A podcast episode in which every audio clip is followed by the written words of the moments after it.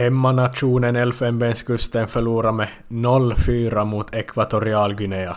Hur stor skräll var det här? Helt enorm. Fattar inte vad som hade hänt. Jag missade tyvärr matchen och så kollade man därefter vad resultatet hade blivit och trodde nog att man läst fel först när man såg att det hade blivit 4-0 till Ekvatorialguinea. Men ja, en enorm chock. Toni Koskela och hans tränarteam där, Teemu Tainio bland annat ingår, har fått sparken efter bara ja, drygt tre månader på supern. Kommentarer kring detta?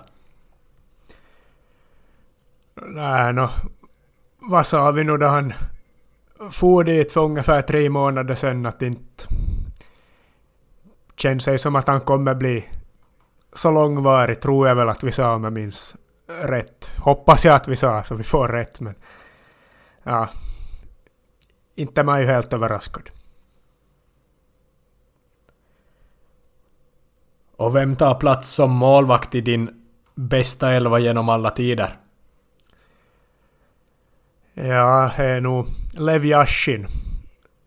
Jag vill egentligen inte ha med han. Jag försöker som hit motargument för att han är ryss. Man vill ju inte ha i dessa tider en ryss i sin elvo, men när det var enda motargumentet att han är ryss så var det väl nog svårt att liksom undgå att sätta han mellan stolparna. Så Lev Yashin.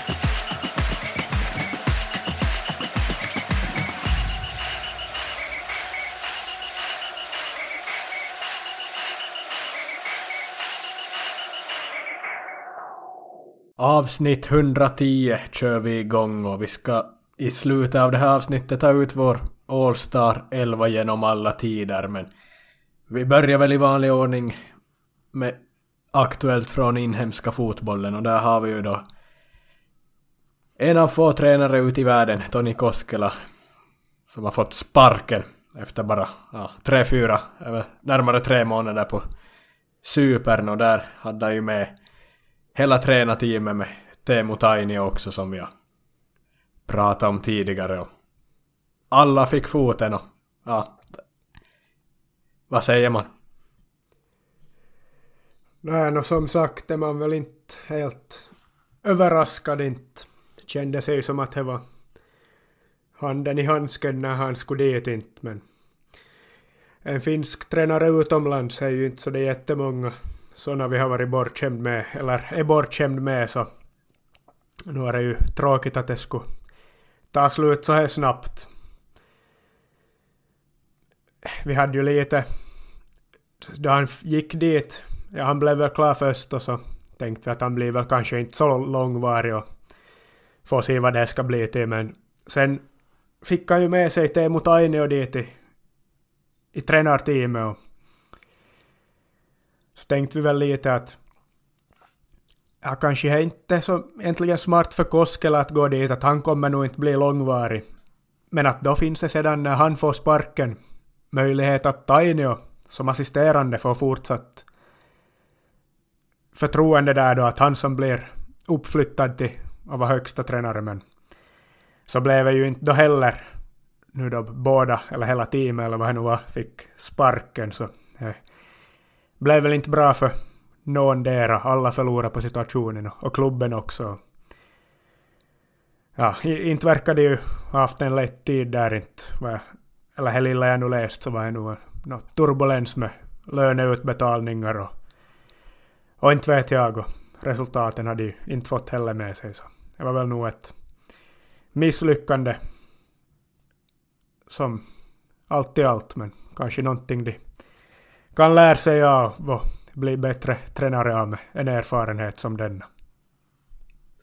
AL Limassol var ju klubben om inte vi sa det, men vi hoppades ju tidigare när vi pratade om samma sak att det skulle vara bra att få mer finska tränare ut i världen för att ja, det skulle vara bra för, för själva, eller för landet, fotbolls Finland överlag men Teemu Tainio det var väl han vi hade mest förhoppningar på att han skulle ta en roll som A-lagstränare och inte assisterande men nu när man är, vad de, fyra, fem i tränarteamet och alla får sparken är ju det stärker ju inte aktierna för finska tränare framöver.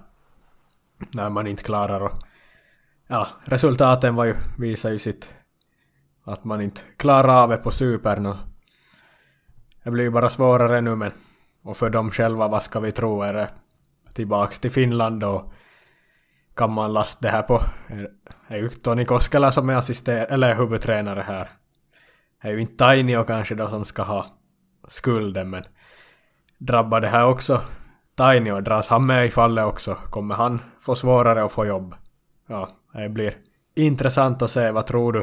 Är det tillbaks till några finska lag som det blir för de här gubbarna eller vad ska vi tro? No, i nuläget är det väl svårt att se.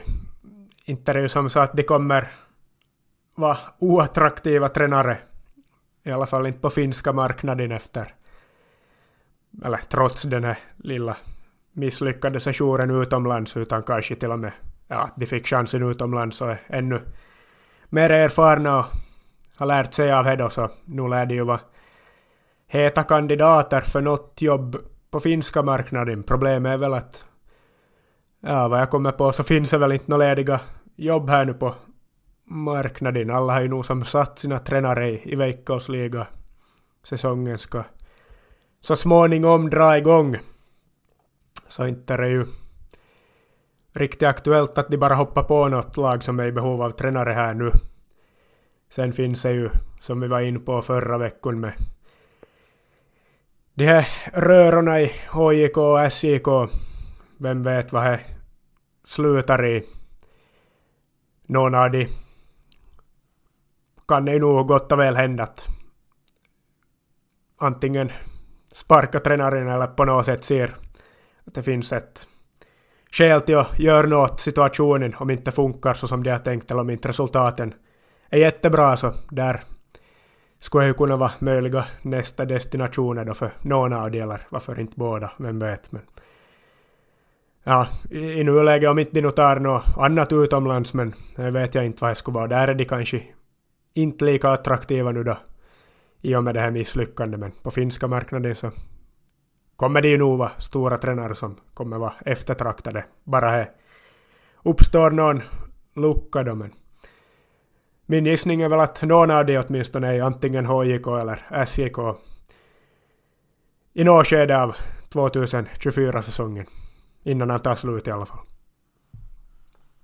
Och jag hoppas ju att Tainio tar ett eget jobb och inte följer med som assisterande för han visar ju under tiden i Haka att han klarar av det och inte kan han ju ha blivit ja, så sämre eller ja, han måste ju nog ha, ha bibehållit den kunskapen och hoppas att han hittar något, något nytt jobb men Finland överlag, finska ligan är rykten och övergångar och transfers den här tiden när de bygger inför säsongen men Det är ju minst lika många spelare som också lämnar.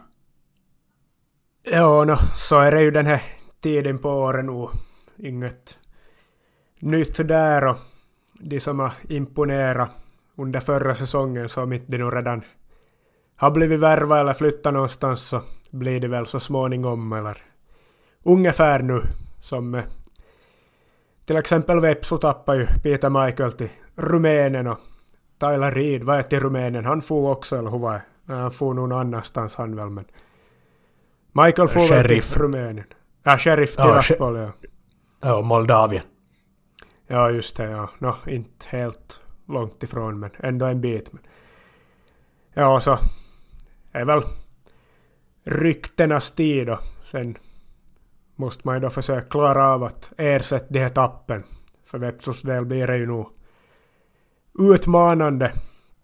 De lyckades ju bra med sin scouting nu inför den här säsongen har ju gjort i några år men de har ju som bekant varit och gjort om lite på de sportsliga ja, ledningsdelen eller vad man nu ska säga, sportdirektörer och, och grejer har väl bytts ut och så vidare. Så får se hur, hur det ska gå för de nu ändå. De har ju inte någon stor budget att jobba med fast de gjorde så bra i fjol inte utan de har ju nog ändå en av seriens lägsta, om inte lägsta till och med har någon pratat om att jobba med så är sådana klubbar som behöver få scoutingen rätt och sådana rekryteringar rätt som de gjorde med till exempel Tyler Reed. Han har ju varit tidigare i Finland och visat upp sig men Peter Michael som nu exempel. Och andra utlänningar de har tagit in men finns ju aldrig någon garanti att det kommer bli lika bra när de tappar de och ska ha in nya och göra om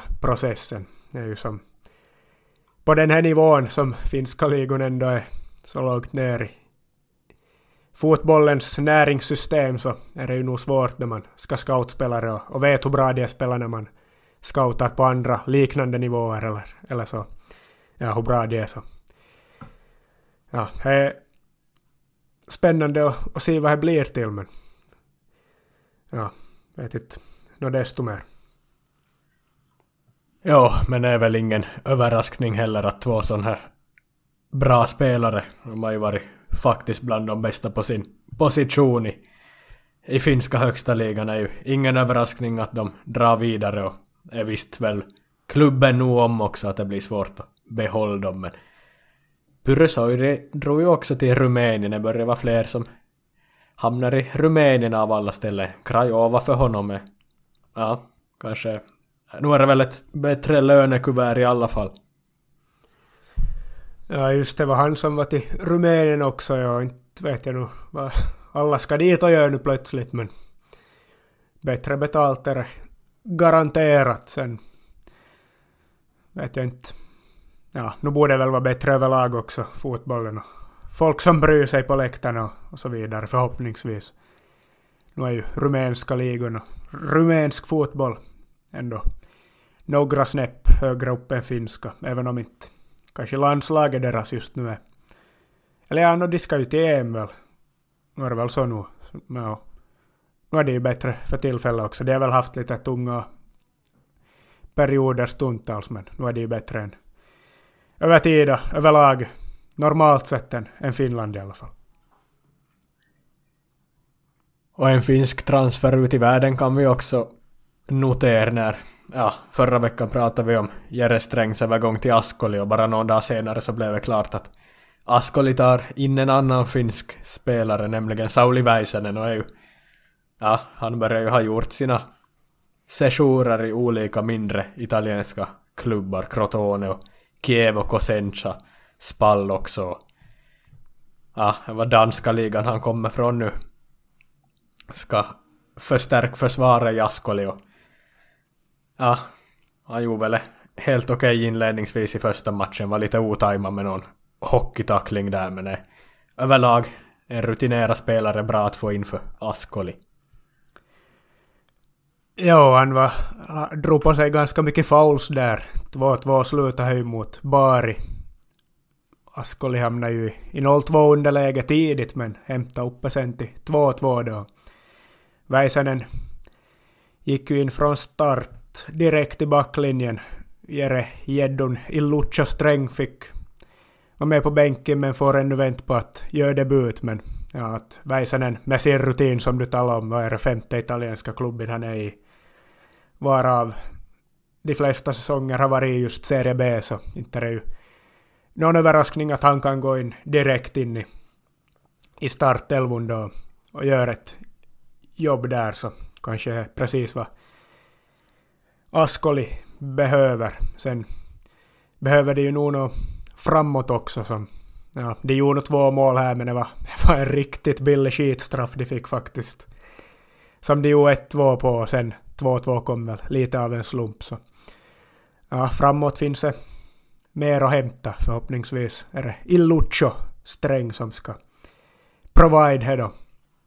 Så här före vi börjar spela in också så hade Askoli lagat upp på sociala medier en video med Jonas Portin när han talade om ja nu har vi fått två finländare till Askoli och är Väisänen och är Sträng och Ja, att han har haft Jere Sträng som jag var in på i, i förra avsnittet som när han var tränare åt oss för B-juniorerna i IFK 2016. Så det är ju mäktigt att IFKs B-juniorer 2016 berättelse från den tiden leta sig in på Askolis sociala mediekanaler. Men Portin är ju nog enormt stor där har man ju märkt nu. Då de har värvat finländare och de har gjort grejer av att ja, vi har värvat finländare och vi börjar vara en finsk klubb och folk är ju nog i kommentarerna där och direkt är som på hyllar Portin där först och främst och hoppas att de nya finländarna ska kunna bli någonting i stil med honom. Sen har ju också faktiskt ryktats som att Benjamin Kjellman skulle vara på väg dit, men ja, jag vet inte hur mycket sanning här ligger i. Jag verkar ju nog ha avtagit de ryktena här nu. är väl, ja, kanske räcker med en finländsk anfallare. Det är ju hyfsat lika i profil han och Il Lucho Sträng. Så inte tror jag de behöver två likadana finska anfallare dit, men sjukt skulle det vara om de skulle få han dit ännu. Då skulle det ju vara alla tiders finsk klubb nästan. Med tre finländare på samma gång. Så. Och förutom de vi har nämnt så är det ju Sakari Mattila som också har spelat där tidigare som är finsk så he. Börjar... Ah, man börjar göra sig ett, ett rykte i Askol i Finland i alla fall men jag tror det är bra värvning att ta in, alltså för Jere, för Jere Strängs del så är det bra att en sån som Sauli Väisänen kommer in, att ha en sån spelare i laget som han alltså kan bara ta såna praktiska saker med och Väisänen kan ju språket sen tidigare då rutinerad och har, har varit med förr. Jag tror det är som bra att få in en, en sån spelare att ha i omklädningsrummet. Ja, det är ju förstås så. Väisänen kan ju Serie B utan och innan och ha sittit genom olika klubbars perspektiv och så, så inte finns det ju något dåligt med det utan det borde nog bara vara positivt och för lagets prestationer också så borde väl vara bra att få in erfarenhet när de ska ja, kämpa för att hållas kvar i tabellen som läget ser ut i nuläget. Och till näst ska de till Como dit jag var i, i våras och kollade på just Serie B Como Genoa 2-2. Också en gammal sliten arena men jättefint belägen så vi får väl hoppas på debut för Sträng då men om inte annat så bara bra att vara var med i matchtruppen och inte dra på sig några skador och sånt så vis framfötterna på träning så kommer han nog till slut få chansen. Ja, till skillnad från spelare som är rutinerade som Väisänen som har varit och spelat mycket i den där serien så kan det ju ofta i Italien överlag eller italiensk fotboll ta sin tid nu innan man får ge debut eller ja, tränare brukar ju vara försiktig med att som slussa in spelare som inte direkt in i startelvan ofta, eller så har ju ofta varit generellt sett i italiensk fotboll. är klart det finns ju alltid undantag och så men ja, det gäller ju att ha tålamod nu. Ja, men vi går väl till Afrikanska mästerskapen snabbt då. Där var det ju, ja, det beskrivs som tidernas största skräll i Afkon. Elfenbenskusten, hemmanationen, åker på 0-4 mot Ekvatorialguinea. Vi ska väl säga att Ekvatorialguinea har ju tagit kliv senaste tio åren och är inte någon slag på sig och de överraskar väl. Till och med förra gick man till någon åttondel eller kvart till och med, jag minns inte men, men oavsett att som hemmanation åka på en sån smäll är ju helt huvudlöst. Ja, faktiskt och Elfenbenskusten är väl så gott som utdör. Turneringen återstår ju att se ännu. Det är ju likadant som i EM att det är de bästa triorna som går vidare och de blev ju tredje men de ser väl ut att bli en av de sämsta triorna och det beror ju på hur resten av grupperna går men det ser dåligt ut för dem men nu är det ju en sjuk skräll nu ja, Ekvatorialguinea varifrån kom det här och hur, hur lyckas de åstadkomma det? Inte ska ju vara möjligt det här inte men Ja, som sagt, jag, jag trodde jag läst fel när jag såg att det hade blivit 4-0 till Dio. ja, Elfenbenskusten på väg ut. Är väl förstås hemmapressen i Afrika, ja, eller hemmastödet, det kan, det känns som att det är speciellt i Afrika, så kan det antingen höjer det ju en till skyarna om man får en jävla kraft från det, eller så blir det tvärtom. Och, ja, när det går dåligt så vänder sig egna publiken mot spelarna och man känner av pressen och man känner av hur, hur de blir besvikna och blir bara sämre och sämre som spelare. Man blir rädd på plan och så kan Ekvatorial Guinea besegra en med 4-0. Ja, det är ju nog sjukt och synd man missat att se den här matchen. Så sen avgörande i den här andra gruppen som spelades senare på kvällen, det är Egypten och Ghana, Kap Verde och Mosambik-gruppen. Det var ju kaos här också som var drama, men på ett annat sätt Galiten, det här Elfenbenskusten. Så att du hade på Twitter varit ute och ställt frågor i, i morse att när har någonsin, om ens någonsin ett hemmalag i ett internationellt mästerskap blivit så här utskåpade ja, så här chockerande som det här men då glömde du nog Brasilien, Tyskland 7-1 i VM 2014 men i övrigt finns det väl inte så mycket andra exempel på en hemmanation, en stor nation då, som har blivit så här chockerande utskåpade i ett internationellt mästerskap.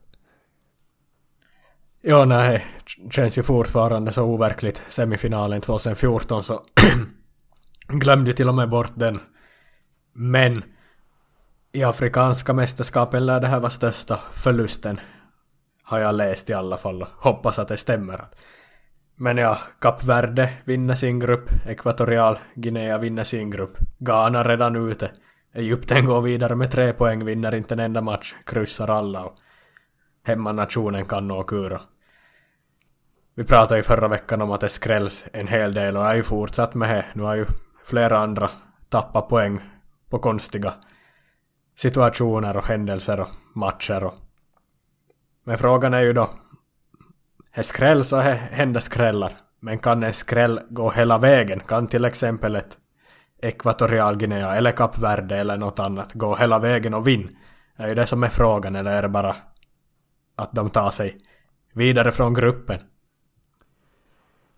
Nå, nu har vi ju sittet med Zambia som vann 2012 visst så.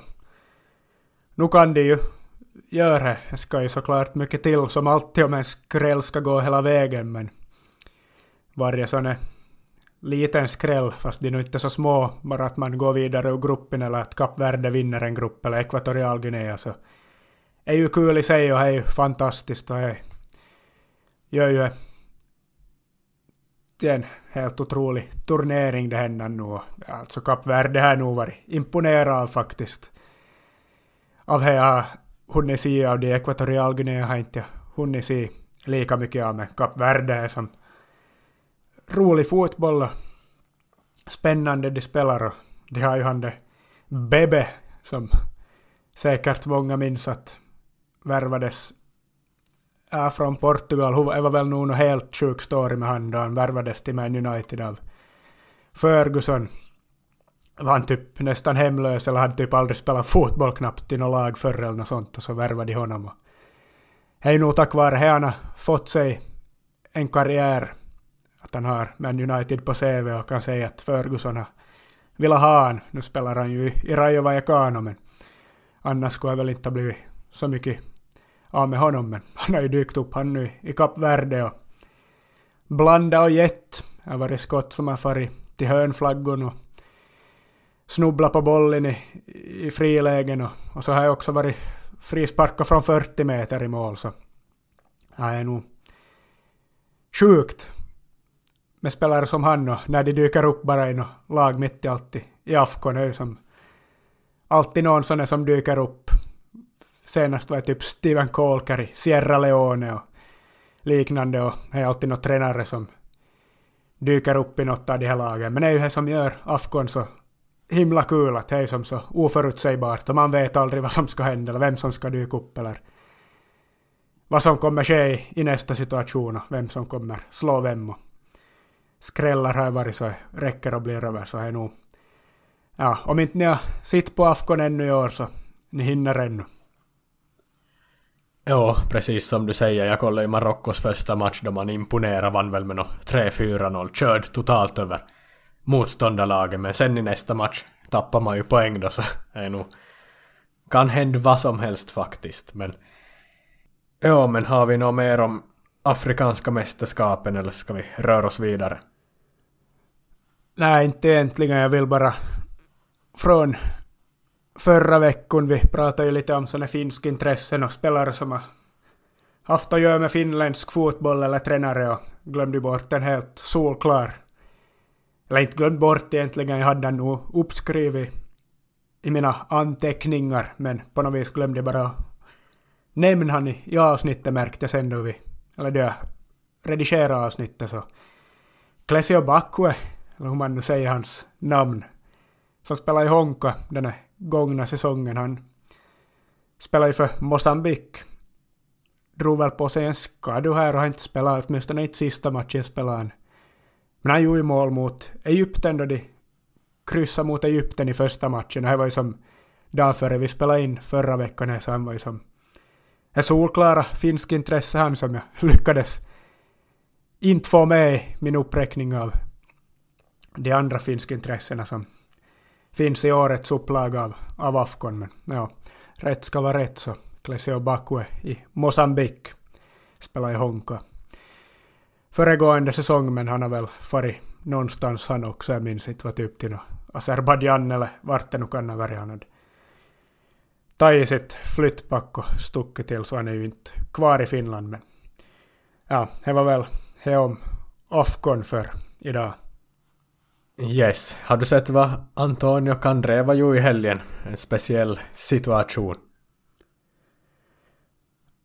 Nej, jag tror inte jag har gjort henne. hända man såg att han var i någon rubrik om att någon vill värva honom eller, eller något sånt, men jag tryckte nog inte på den rubriken i så fall, så jag vet inte. Vet inte alls vad han har varit och gjort eller vad han är i farten med. Eh, nej, inte det någonting som har fått rubriker tror jag, men jag råkade, när jag kollade igenom highlights från Serie A, så ja, jag var i Salernitana igen och jag blev väl, blev 1-1 eller 1-2 någonting. Ja, något sak samma, men Antonio Candreva är ju känd för sina drömmål han drog på från en 25-30 meter ett skott. Ja, mitt i första halvlek bara. Ja, och skottet gick väl lite över. Det var ganska nära krysset men ändå en bit ifrån och då tar han sig han sjunker ner på knä, tar sig för huvudet som om han har missat en straff. Det var som bara någonting som jag aldrig har sett förr. Det var så överraskande att man drar på från 30 meter och sörjer som att man har missat en straff. Ja, inte ser man ju henne riktigt ofta har du nog rätt i. Men kan räva. Han är ju otrolig nog på att göra drömmål så han förväntar sig väl att han ska sätta ett skott som är bara från 25-30 meter då ungefär. Ja, säkert. Men vi sätter på en jingel här och så kommer vi tillbaks med våra all time lag. Alla tiders elvor.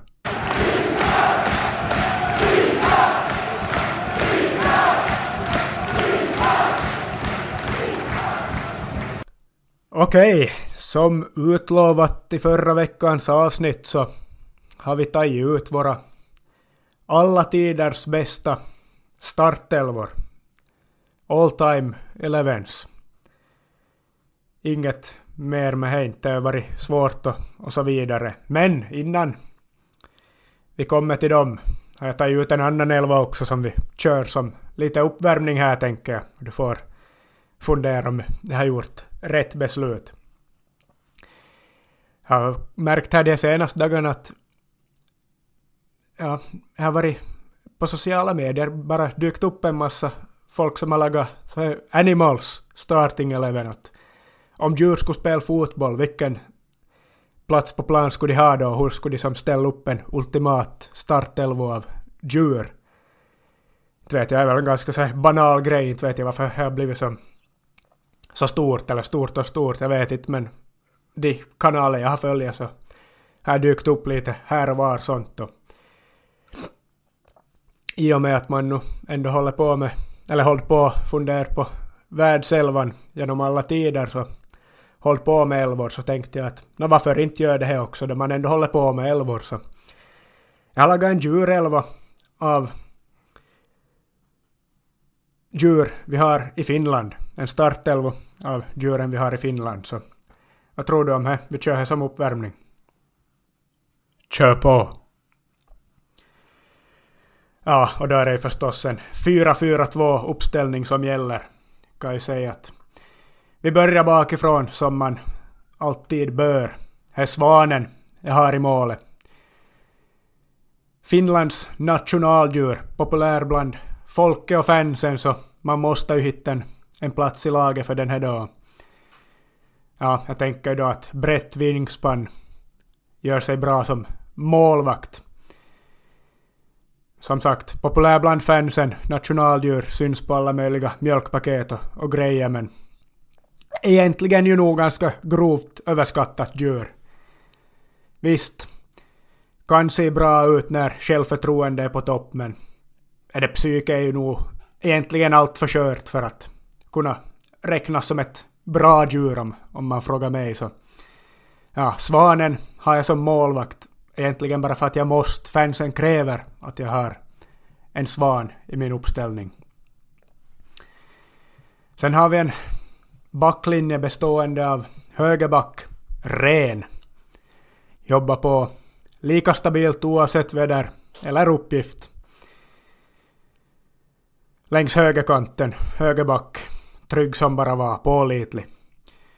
Så har vi ett mittbackspar, är Säl och är Björn. Sälen, ja, en rejäl pjäs. Behöver dock förbättra positionsspelet.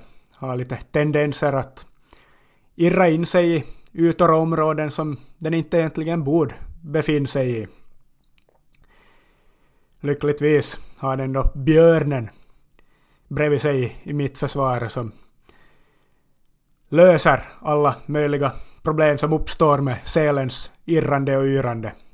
Björnen är ju backlinjens självklara ledare. Är pondus, är fysik och är... Ja, det kan vara brutalt om så behövs. Så inget mer man behöver säga om björnen egentligen. En, en stjärna i laget förstås. Sen en annan stjärna, lagets kapten, har vi som vänsterback. Är älgen som älgar fram längs kanten. Lagkapten, skogens konung. Där har vi min backlinje och min målvakt, försvarspjäsen alltså. Kommentarer än så länge. Nej, bra motivering alltså. Dra mittfältet då. Ja, vi går väl till mittfältet då. Vi kan ta centrala mittfältet först. Det är ju en 4-4-2 uppställning som sig bör när man gör elvor, eller helst ska det ju vara. Ja, jag, jag gillar mitt mittfält också. Eh, slitvarg och är arbetshäst. Ett mittfält i, i min smak. Om vi börjar med slitvargen så är ju en rivig box-to-box mittfältare. Rör sig över kopiöst stora ytor per match. Har dock lite tendens, inte så lite heller, till att vara både brutal och våldsam. Så dra på sig en hel del kort och till och med utvisningar. Sen bredvid sig på mittfältet då, arbetshästen gör ju ett jävla grovjobb i det tysta. Får inte lika mycket rubriker som sin mittfältskollega men är ju nog minst lika viktig. Sen rör vi oss mot kanterna så alltså på ena kanten har jag huggorm och på andra kanten har jag örnen. Ja, med huggormen får man väl säga att är en riktig humörspelare. Kan slingra sig fram genom alla trånga lägen och ytor och trixa sig genom de flesta situationer. Giftig framför mål dessutom. Och på andra kanten, örnen. Är kaxig attityd, glider mest egentligen bara runt och ser lite fåfäng ut under stora delar av matchen. Men sen oerhört skarp när det väl kommer till avgörande lägen och den går till attack. Bra på att dyka dessutom. Det är ju inte helt dåligt där. Därmed kan fixa en del straffar. Ja, ska du ge en kommentar om mittfältet då? Ja, motiveringarna blir bara bättre och bättre du. Börjar snart ha en bok redo. En barnbok. Du skulle, borde bli författare och göra en bok med det här djurlaget. Ja, frågan om det är bara du som tycker det eller om andra tycker det också. Men vi går väl vidare då till anfallsparet. Och där har vi ju två riktiga stjärnor förstås. Är Reven, Fox in the box, är ju en självklarhet som ska vara där. Fox in the box är, blir väl inte tydligare än så. Otroligt intelligent djur, intelligent på plan. Kanske mitt favoritdjur av alla djur. Till och med så att jag kallas för skabbis här av många studerande kompisar i Åbo för att ja, det finns mycket rävar här och då man ser en räv så, jag vet inte, jag går igång och umgås gärna med räven, eller de tror i alla fall att jag umgås så mycket med räven att jag, de utgår från att jag har skabb. Men ja, räven, vilket fantastiskt djur. Fox in the box på topp och med sig har han förstås gäddon, som vi har varit in på. Det är väl allt man vill ha i en anfallare. Stark, snabb, stor, hugga på allt. Vi har varit in på det för gädda. Det perfekta smeknamnet på en anfallare. Därför vi kallar Jere gäddonsträng för gäddon just. Eller illuccio på italienska. Så där har vi då mitt lag av finska djur i 4-4-2 formation. Känns nog som att det är ganska svårslaget. Ja. Sitt till att vi inte har några räddharar eller olyckskorpar på plan i, i det här laget. Så. Ja, där är vad jag har kommit med. Har du något djur du skulle vilja se istället? Eller byta ut i, i det här laget? Ja, du är nog faktiskt otrolig med att leka med orden idag. Jag håller på att snubbla på orden själv men du har tungan rätt i mun som man säger. Jag saknar väl kanske lodjuren, lokatten men annars helt... Ja, inga kommentarer annars. Jag minns ju då man själv var liten, jag och en kompis i, i Karpar och han hade ganska bra sån här gräsplan, eller har ännu på hans föräldrars gård så vi spelar ju med såna här påhittade djurlag och hittar på egna namn och ligor och varje sommar spelar vi sådana här ja, typ Champions League eller VM-format och spela där och se hur långt våra lag kommer. Och, men jag hade ju mest sådana här afrikanska djur där. Lejonet var stora stjärnan och en, en snabb antilop minns jag jag hade på topp. Och giraff som mittback som nickar bort en massa bollar så... Ja, jag är van att, och lek med olika startelvor med djurtema faktiskt jag också. Ja, det låter ju som fantastiska tider det på en bakgård i Karper en gång i, i tiden för en herrans massa år sedan redan vid det här laget. Ja, men afrikanska djuren finns det ju nog många man skulle kunna ta med också. Jag hade ju de flesta i de här andra på sociala medier gjort, men jag tänkte att det blir kanske roligare om man håller sig till Finland då. Den här gången då. fanns bra motiveringar till göra där också. Lokatten hade jag nog funderat på också men ja, det är ju så sällan man ser en lokatt på något vis. Syns sällan för någon så tänker att han får väl vara på bänken då, får sällan komma in i matchen eller får mindre minuter som man får se i alla fall. Så. Därför är inte lokatten på plan. Men då känner vi väl oss kanske förhoppningsvis uppvärmda då, redo att ta våra alla tiders riktiga elvor, de är människor, riktiga fotbollsspelare och inte djur. Frågan är hur vi ska lägga upp det. Ska vi ta en lagdel i taget eller, eller någonting sånt? Ja, jag tror det kanske är lättast att vi drar varsin elva rakt av. Och det här är ju vad vi anser, enligt vad vi tycker, alla tider själva, Det är ju inte de elva bästa spelarna någonsin för ja, det ska ju vara en målvakt och det ska vara gärna tre eller fyra backar och, och så vidare för att få en startelva. Då kan man ju inte ha topp top 11 genom alla tider är inte de som går in i startelvan.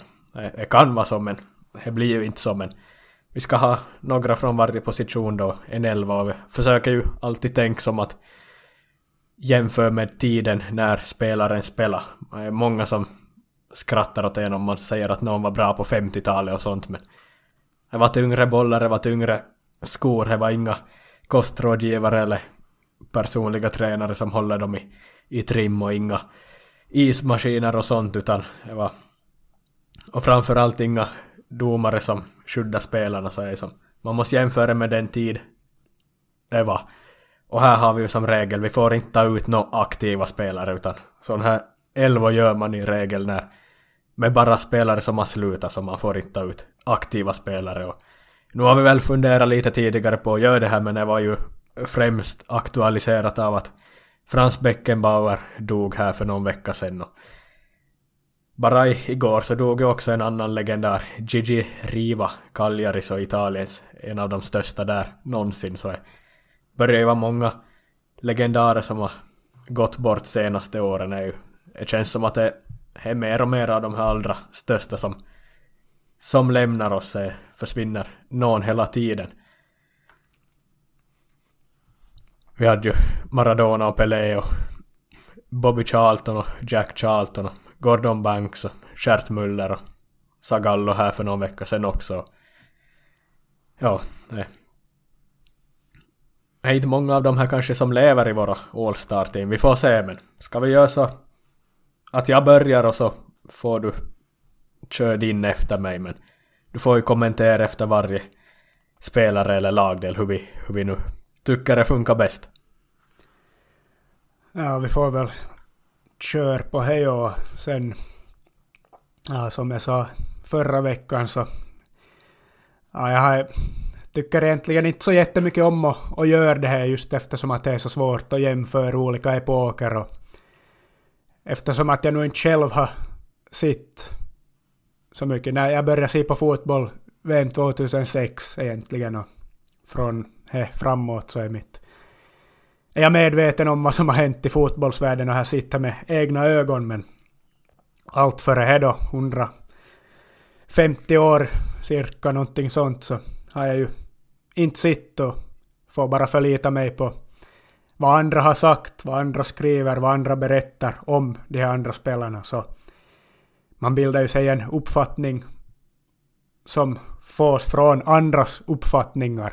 Det kan ju bero på helt vem det är som har skrivit en bok om någon eller berättat om något, att de berättar på ett visst sätt som får en att tro att den här var helt jävla bra eller kanske inte så bra som, som någon annan. Så är ju som, ja, man bildar en uppfattning av andras uppfattningar och därför är det ju, är det ju så jävla svårt att göra en sån elva men det här är nu min uppfattning då som jag har bildat mig av, eller under min livstid. Ja men det är ju samma med historiska personer, inte det är ju som... Man måste ju, man är ju skyldig att veta vad som har hänt, alltså inte kan man ju påstå att dagens, den president som kommer bli vald till Finlands president här om någon vecka, inte är ju den personen större än, ja ska vi säga Kekkonen då, utan man...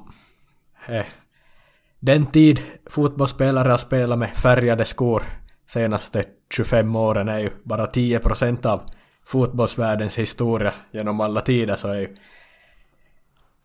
man är egentligen skyldig och vet vad som har hänt, inte bara i fotbollen, även i, i världen överlag. Ja, det är förstås man, klart att man ska veta vad som har hänt och det gör jag ju, men jag har ju fortfarande inte sett de här spelarna spela fotboll med egna ögon. Sitt några highlights-klipp av, av det typ här och där, men jag har ju inte sett de spel...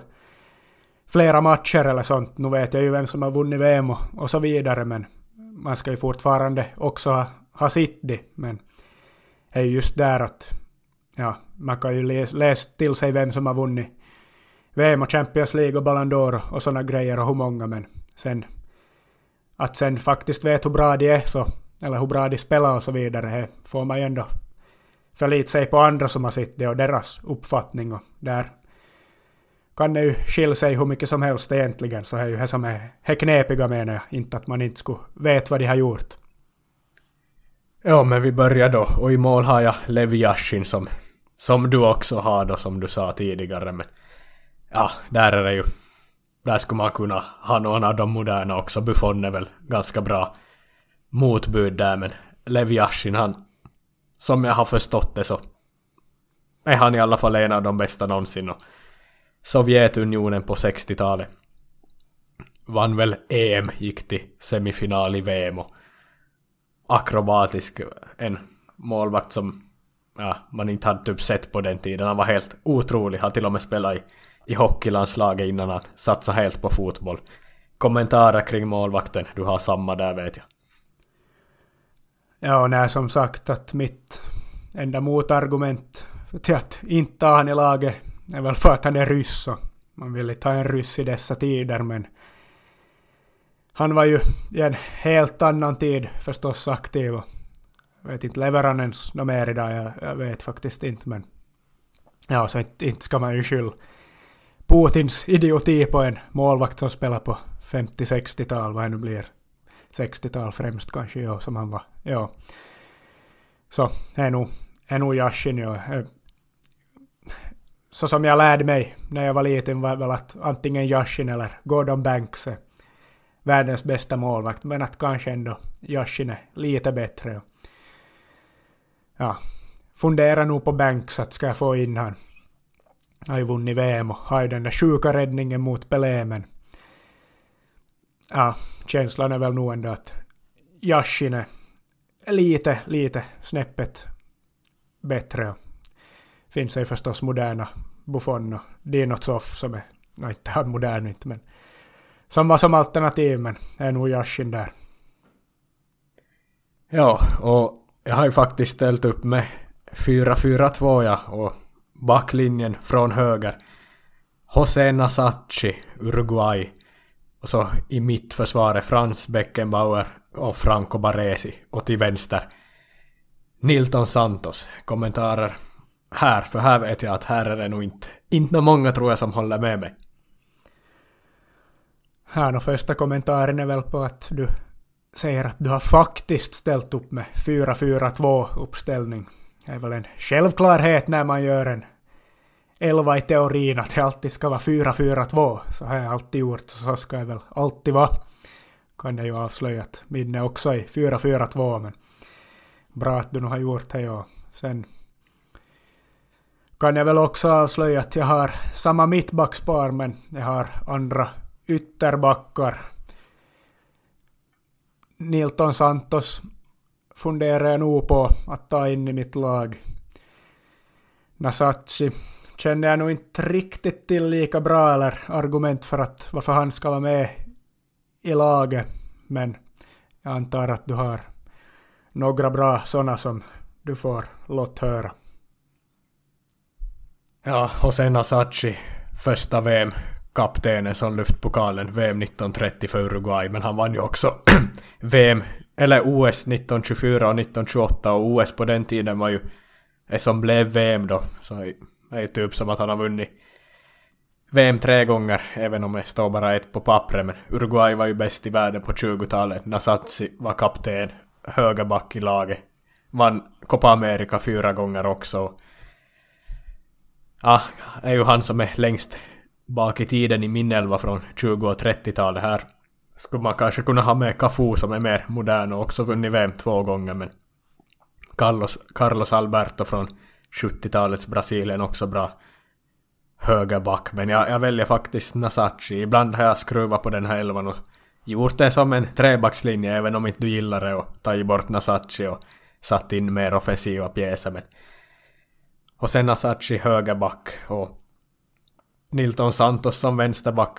Jag vet inte, är det en låsning som jag har att jag tror han är bättre än vad han är faktiskt. Att jag har börjat som gå igång på honom och läst för många böcker om brasiliansk historia och Ja, och sånt Och, Men när man tänker efter, han moderniserade ju ytterbacken. Han var en av de första som gick över halva plan. Och, men han var ju framförallt bra defensivt och spelade i ett av tidernas bästa lag då, Botafogo på 50-60-talet som var helt otroliga, kom till Europa också och vann de här uppvisningsmatcherna mot europeiskt motstånd. Men framförallt då två VM-guld och deltog i, i fyra VM, men var en av de bästa spelarna i de här VM-gulden 58 och 62. Frans Beckenbauer, eh, tidernas bästa mittback. Inget snack om saken att han ska vara mittback där i laget. Och Franco Baresi då tillsammans med honom och ja, där är ju många som kanske hellre väljer Maldini, men jag är ju mer Baresi än Maldini. Och det finns ju Bobby Moore man kan ha in här också, några moderna namn. Men Franco Baresi i Sakis Milan är som, som jag ser det som... Ja, nej. Det blir inte mål om Baresi står framför målet. Nej, samma motiveringar har jag nog med mittbacksparet och Baresi. Ja, kapten i Hemilan som väl enligt min uppfattning är det bästa försvaret genom alla tider så inte kan man ju gå fel inte med Baresi där. Beckenbauer är ju ännu mer självskriven. Han är väl nog bästa mittbacken genom alla tider.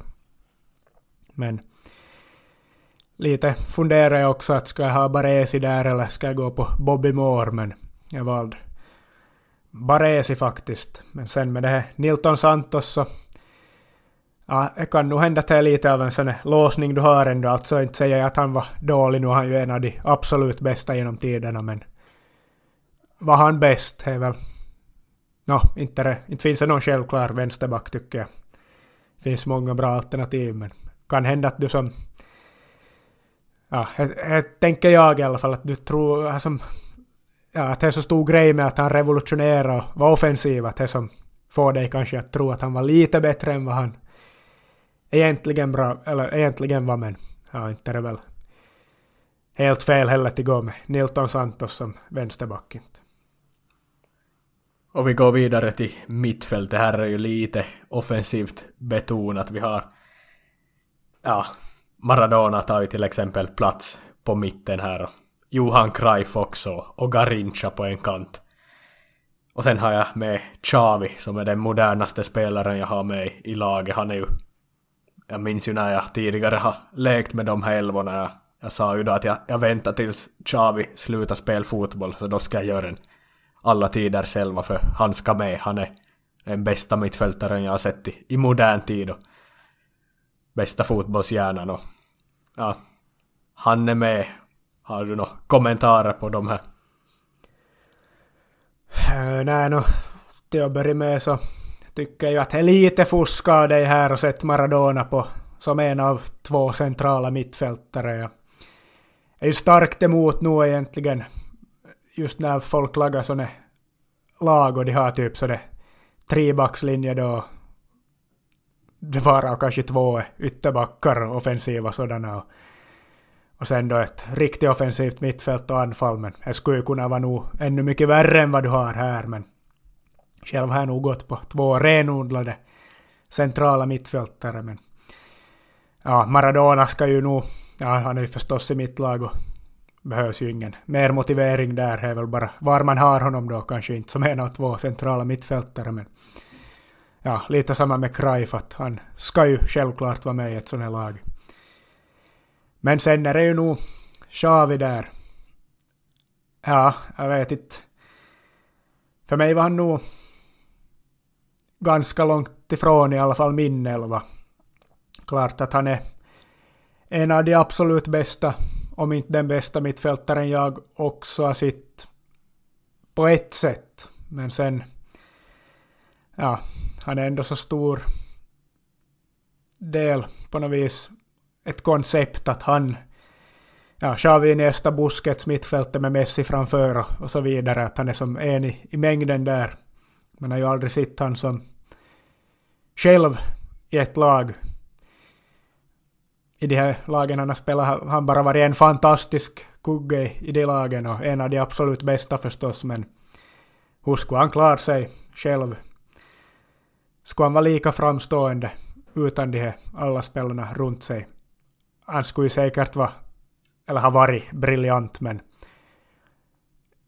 skulle han ha varit tillräckligt briljant för att ta sig in i alla tiders bästa elva? Ja, så långt är inte jag beredd att gå. ja, det finns nog flera andra som jag som håller bättre som rena individer än Xavi. Jo, men innan Iniesta och Busquets kom fram så spelade han ju, ja, han vann ju Champions League 2006 till exempel. Det var väl Van Bommel han hade med sig då på mittfältet och ja, då fick han väl någon som gjorde grovjobbet men han har ju nog spelat utan Busquets och Iniesta också.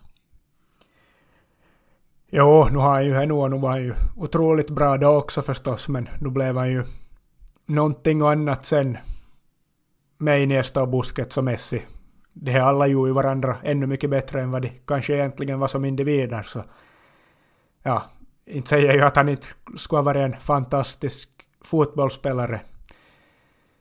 Men rent individuellt så tror jag att det finns åtminstone några som nog eller tycker jag att det finns nog några som kanske ska vara högre upp på listan. Men det kan ju vara också att han är lite för modern. Ibland är det ju så att man tenderar att tro att allting var bättre förr och samma sak med fotbollsspelare. Bara för att det var förr och dåtid och man blir nostalgisk och så vidare. Och, ja. Tror inte att det nuvarande eller moderna har varit lika bra. Men, men jag tycker nog inte i alla fall att Xavi ska vara med i alla fall.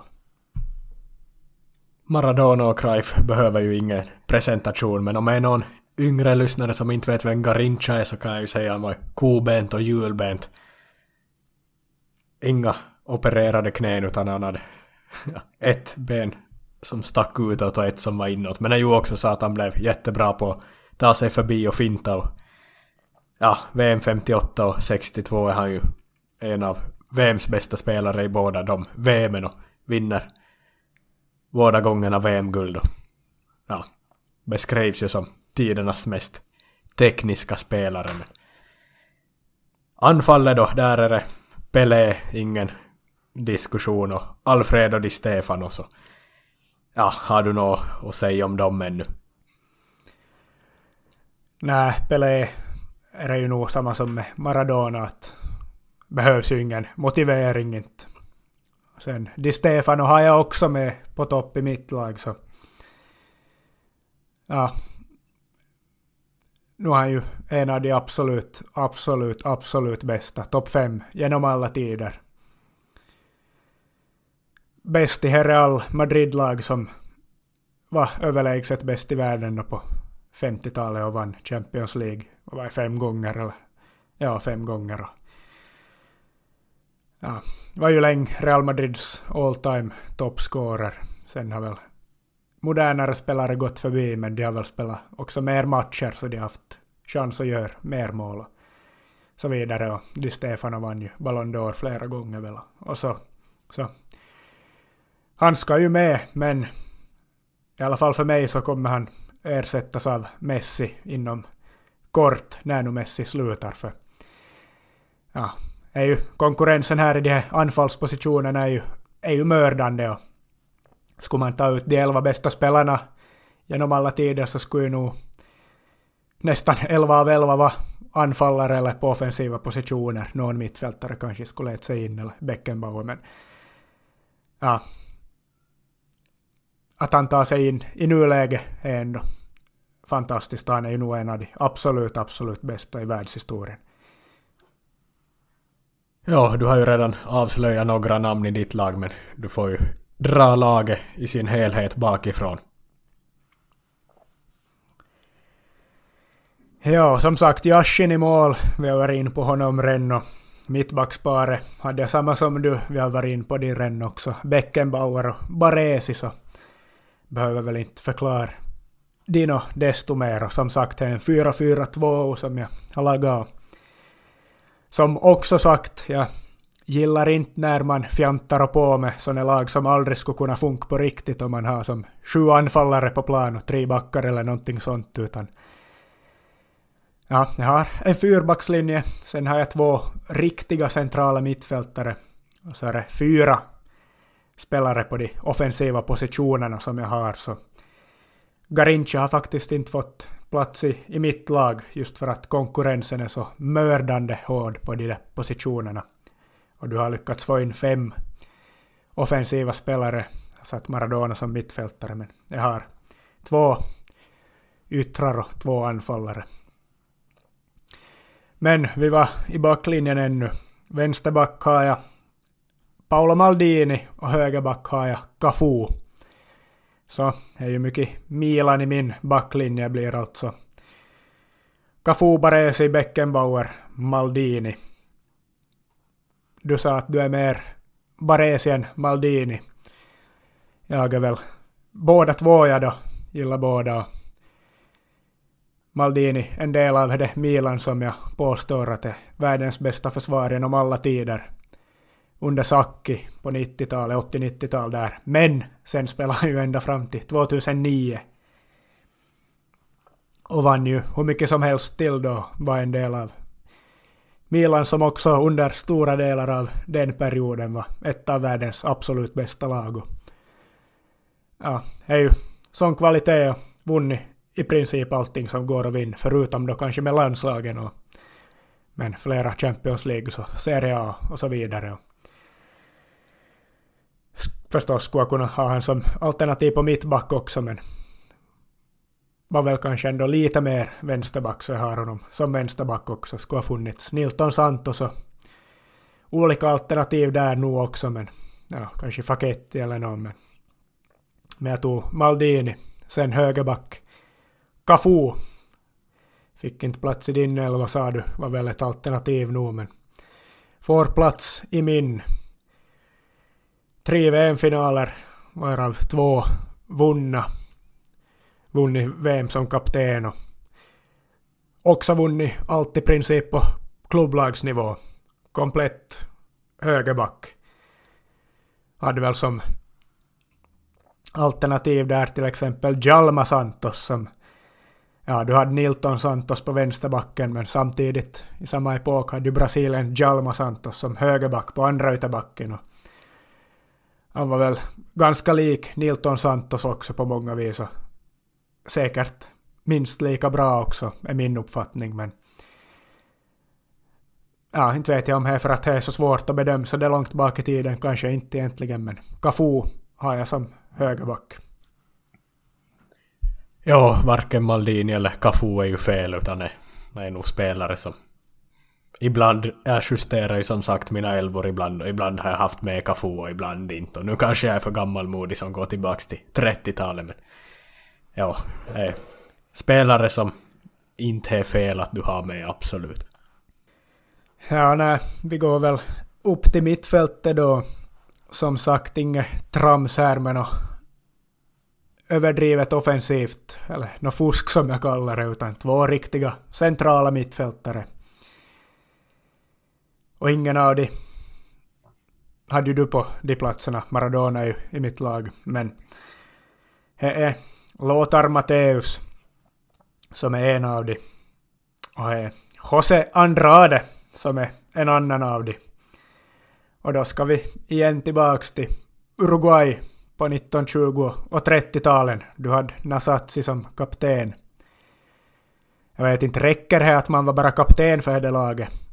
inte för mig för att ta sig in i startelvon, men det räcker med att man var deras bästa spelare, som José Andrade var.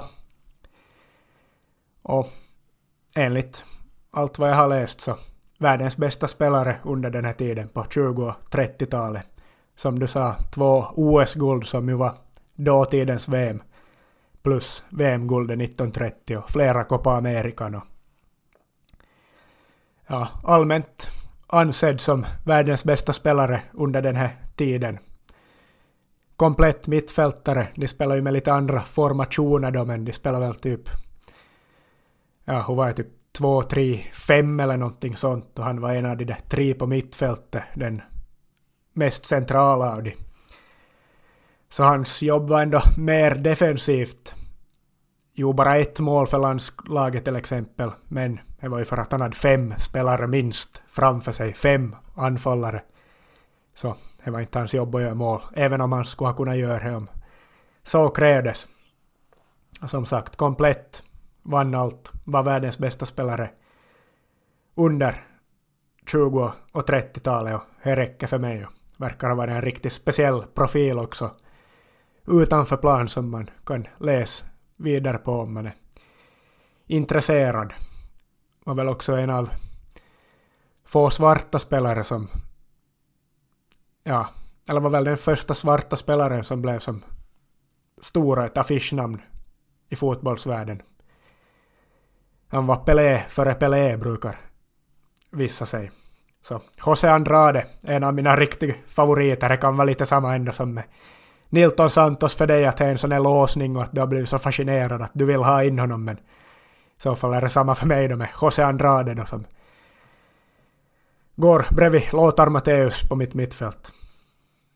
Ja, jag minns jag läste någon, någon gammal bok som var som tryckt jättelänge sedan om fotbollshistoria och då var ju som England var ju man trodde ju England var bäst då, när de hade uppfunnit fotbollen i början av 1900-talet men sen kom Uruguay där 1910 och 20-talet som helt på ett annat sätt tog sig an sporten och chocka engelsmännen. Man, de trodde ju de var bäst men sen visade det sig att Uruguay är ju bättre än oss så det är faktiskt kul att gå tillbaka och intressant, intressanta storyn allt om Uruguay förr i tiden. Ja, men sen har du Lothar Matteus bredvid han då. Ja, Matteus är väl desto mer känd ändå bland folk. Ja, folk kan nog... Gemene man har väl knappast hört talas om José Andrade eller Nasazzi i och med att det är som så långt tillbaka i tiden utan ja, de flesta känner väl till folk från efter andra världskriget och framåt så Lothar Matthäus är väl den tidens främsta centrala mittfältare så som jag har förstått det. Komplett box to box kunna väl gör alla uppgifter som ett mittfält kan kräva av en och vann väl allt förutom Champions League tror jag han väl faktiskt inte har vunnit men VM, EM, ligatitlar, Ballon d'Ors. Ja. ja. När jag lärde mig om fotboll så var det Matteus som var den jag lärde mig att det är världens bästa centrala mittfältare genom tiderna. Så därför har jag med honom. Och inget säger väl eh, det bättre än att Maradona har sagt att han är typ den, jag inte vet, är det den tuffaste motståndaren han har mött eller no, någonting sånt i alla fall. Ja, exakt. Bra du tog upp det där. Tänkt nämna det också men det föll bort. Ja. Som sagt, man eller jag som inte har sett de spelarna bildar ju en uppfattning av vad andra har sagt om dem och det finns väl inget högre då än att Maradona säger att det är hans största motståndare eller svåraste, hårdaste motståndare genom alla tider som han har mött så ja, det räcker för mig för att Matteus ska vara en av mina två mittfältare. Och då återstår det ju bara fyra offensiva pjäser då kvar. Du fuskade lite och fick in fem. Men jag har fått fyra och då är det Garincha som faller bort. Och ja, jag har väl sagt det alla då är Maradona, är Cruyff. De två är som någon slags yttrar, får fritt gå in i banan och gör precis vad de vill tänker jag. Så är det Pelé och Di Stefano på topp då. Di Stefano kanske lite släpande men överlag stor frihet på alla mina anfallare. Ja, Di Stefano motiverar vi redan. De andra behöver väl inte egentligen någon motivering mer än så inte, utan är så självklara man bara kan bli i den startelvan. Och som sagt, Di Stefano lär bli ersatt ändå av Messi här inom kort bara. Messi avslutar sin karriär Och man får ta med honom. Så. Ja. Man skulle vilja ha in mera sådana offensiva pjäser nu egentligen, men som sagt, jag tycker det är fusk. Då har det begränsats till bara fyra, men det finns ju hur många som helst som man gärna skulle ha med i ett sådant lag egentligen, bara det skulle finnas den möjligheten.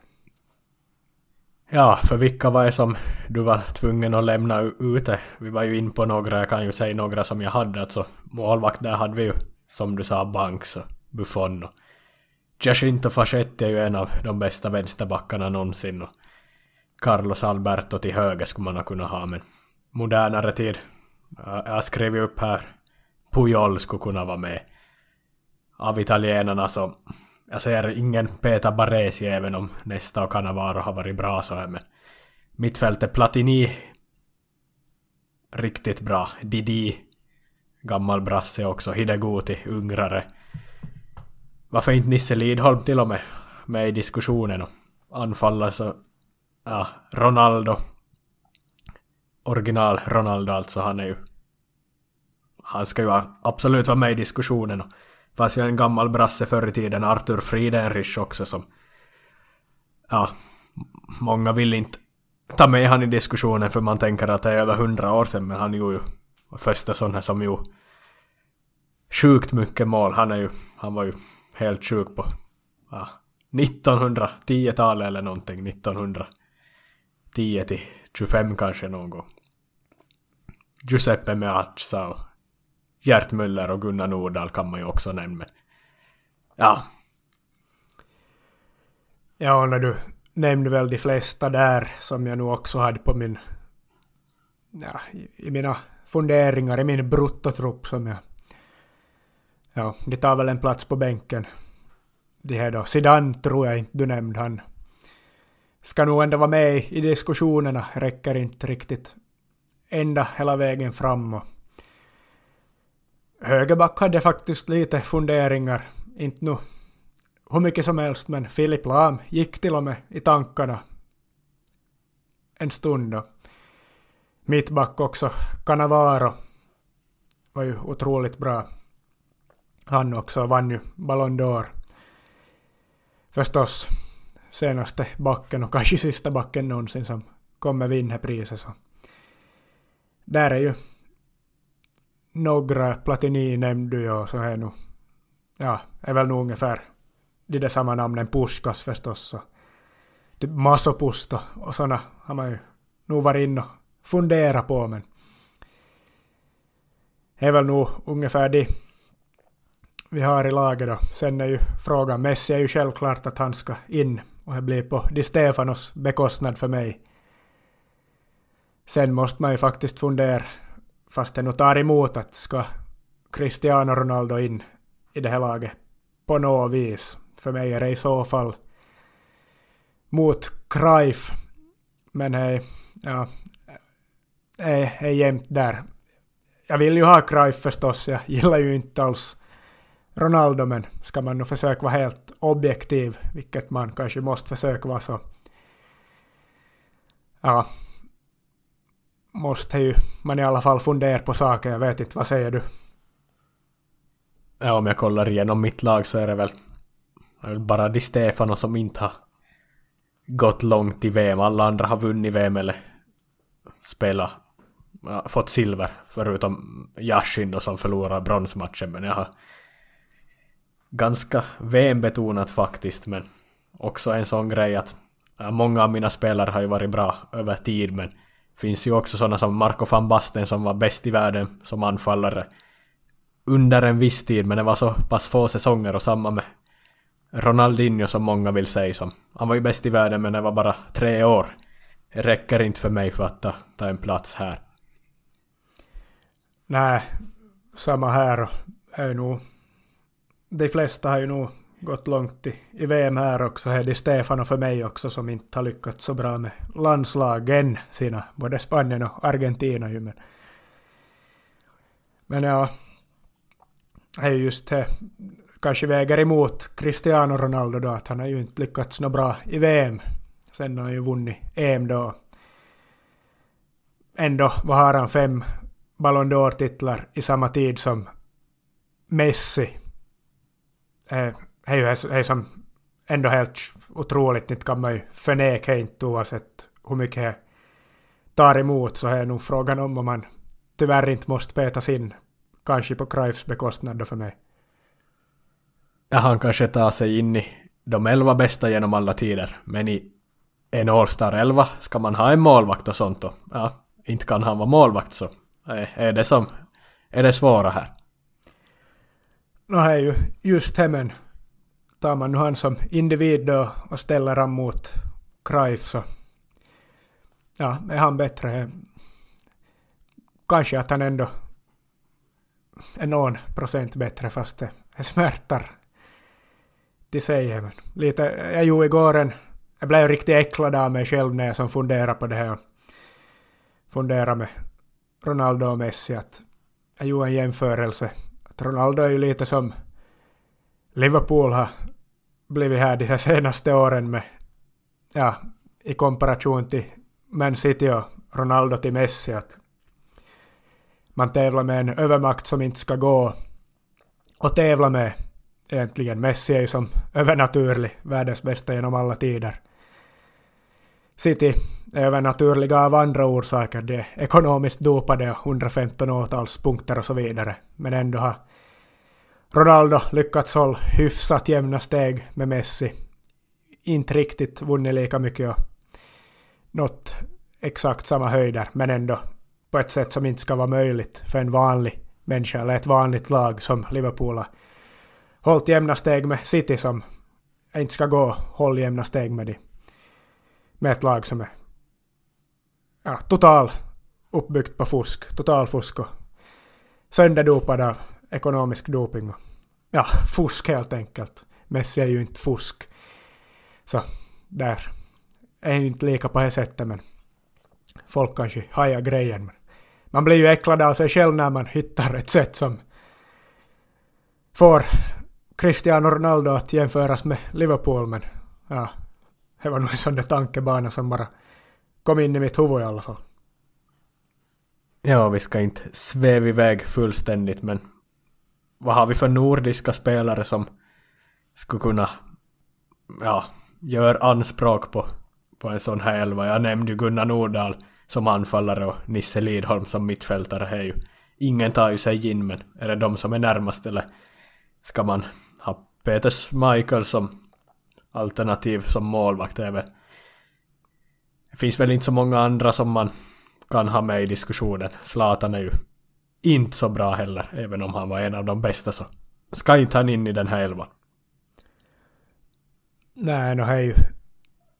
Hej nog det du säger, ja. Men med Zlatan och Nordahl så i och med att konkurrensen är så pass brutalt mördande hård som man är i de där anfallspositionerna så faller ju de kanske då längre ner i rangordningen på de positionerna än vad kanske typ Schmeichel då är att ta sig in som målvakt där är några mindre före han i, i kön då om man säger så, så kanske att han då eller Lidholm på mittfältet.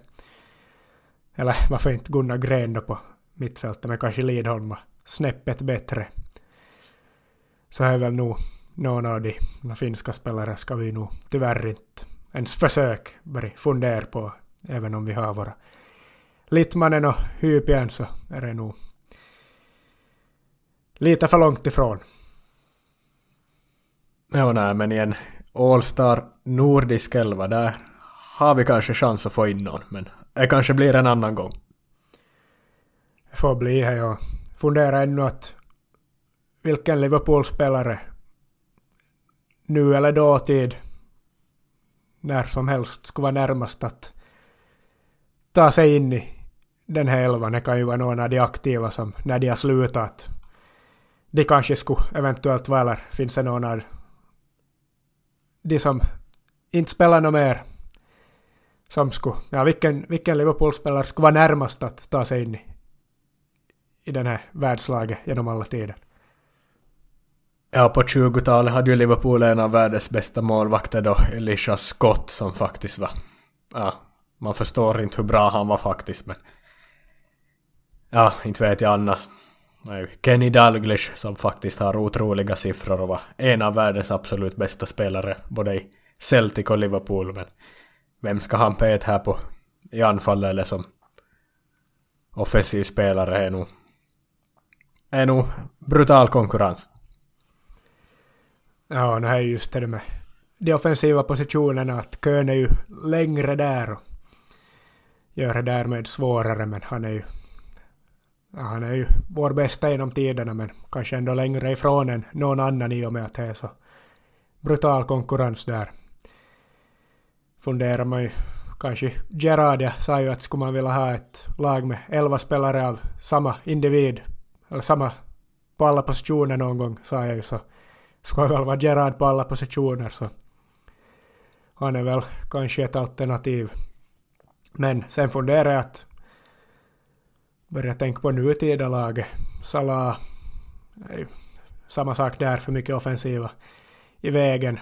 Van Dijk, otrolig mittback, men är väl lite för kort tid ändå.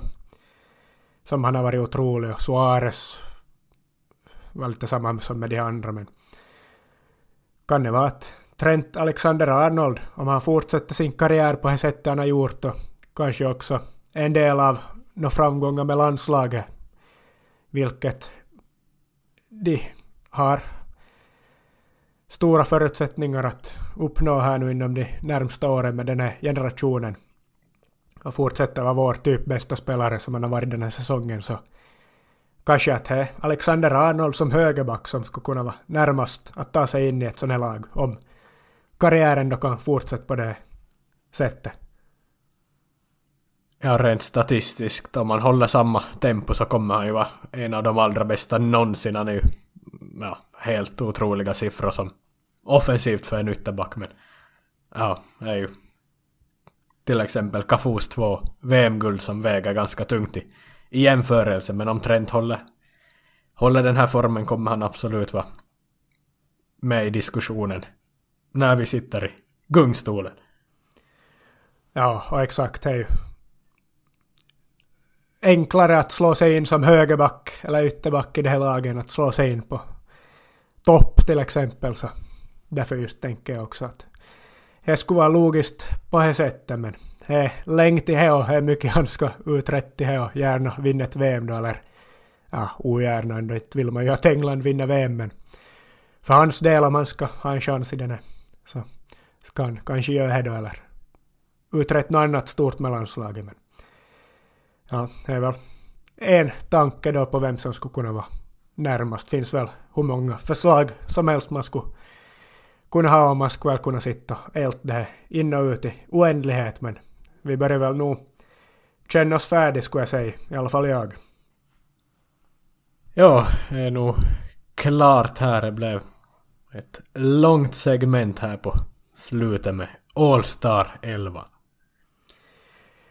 Ja, och så fick vi den här uppvärmande finska djurelvan på det också. Tar vi väl något mer och kommer med då inte, utan det har vi väl först nästa vecka antar jag. Så tills dess säger vi väl på återhörande och tack för att ni har lyssnat.